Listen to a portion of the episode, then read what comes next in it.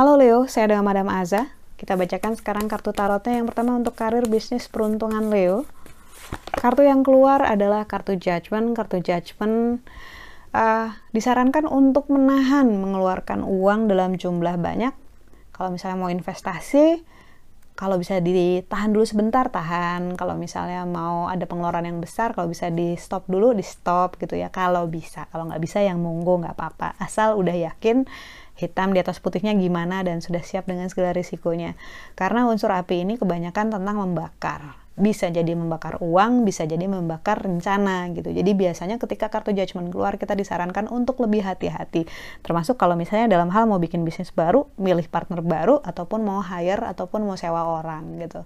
Lebih berhati-hati aja ya, lebih jeli aja dan kalau misalnya bisa dipending dulu seminggu, dua minggu akan jauh lebih bagus. Lalu untuk relationshipnya Leo, kartu yang keluar adalah The Hermit ataupun seorang pertapa. Ketika kartu pertapa keluar, ini sebenarnya memuji dan mengingatkan. Ini posisinya nggak enak ya, sebagai seseorang yang agak-agak gemes ngeliatnya. Oke, okay. memujinya dalam arti seperti ini.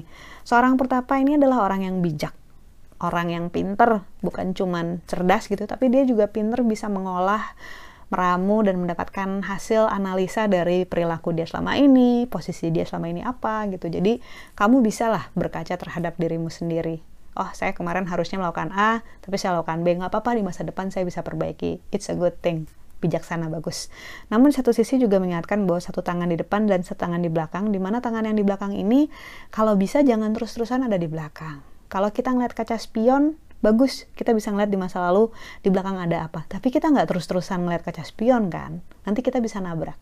Jadi satu tangan di depan dan di belakang tangan yang di belakang ini ayolah maju ke depan. Jangan meninggalkan sisa dirimu di masa lalu yang saatnya udah saatnya kamu melangkah ke depan. Ibaratnya satu kaki ngelangkah ke depan, satu kaki tertahan di belakang, maka nggak akan maju ke mana-mana kan? Kartu The Hermit pertapa ini mengingatkan bahwa kamu orang yang bijaksana, kamu orang yang pintar gitu ya.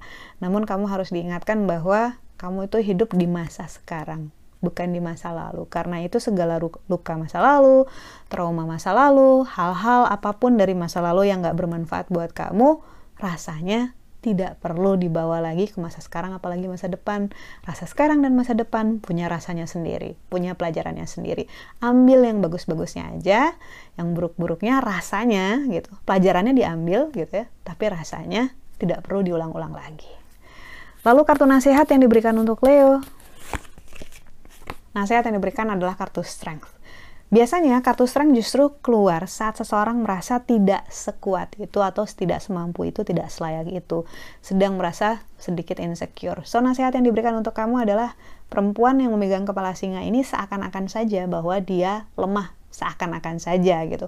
Padahal sebenarnya dengan dia memegang kepala singa menunjukkan dia punya kemampuan penuh untuk mengontrol singa ini untuk pergi ke arah mana pun yang dia suruh dia pegang kepalanya. Begitu juga dengan kamu gitu. Uh, ketidaksadaran kamu bahwa kamu sanggup, kamu berharga, kamu layak, kamu pantas banget dapat yang baik, yang lebih baik, yang uh, pantas kamu dapatkan, itu bisa jadi karena kamu kurang menghargai dirimu sendiri, kurang sayang sama diri kamu sendiri, kurang berap, kurang apresiasi ya, kurang menghargai itu, kurang menghargai diri sendiri dan kurang uh, acknowledgement gitu bahwa kamu sejauh ini udah bagus loh kamu bisa bertahan sejauh ini, kamu sudah berjalan sejauh ini, itu udah bagus banget gitu. Jadi kalau misalnya kamu ngerasa kamu kurang, kamu ngerasa kamu nggak layak untuk dapetin sesuatu, ataupun kamu ngerasa kamu lemah, ya ayo kita perbaiki. Misalnya kamu ngerasa untuk jabatan yang baru gitu, pengen ngelamar kerjaan yang lain, kamu lemah di bidang tertentu, ayo tingkatkan skillnya karena dengan terus-terusan merasa kurang, merasa insecure, itu justru malah bisa terproyeksi keluar. Orang akan jadi percaya bahwa, oh iya benar kamu nggak sanggup. Nah, itu adalah satu hal yang berbahaya, ibaratnya kita menyabotase diri kita sendiri. Padahal harusnya enggak, padahal kamu bisa banget, padahal kamu sanggup banget. Segala insecurity diolah, dimanfaatkan untuk meningkatkan kualitas.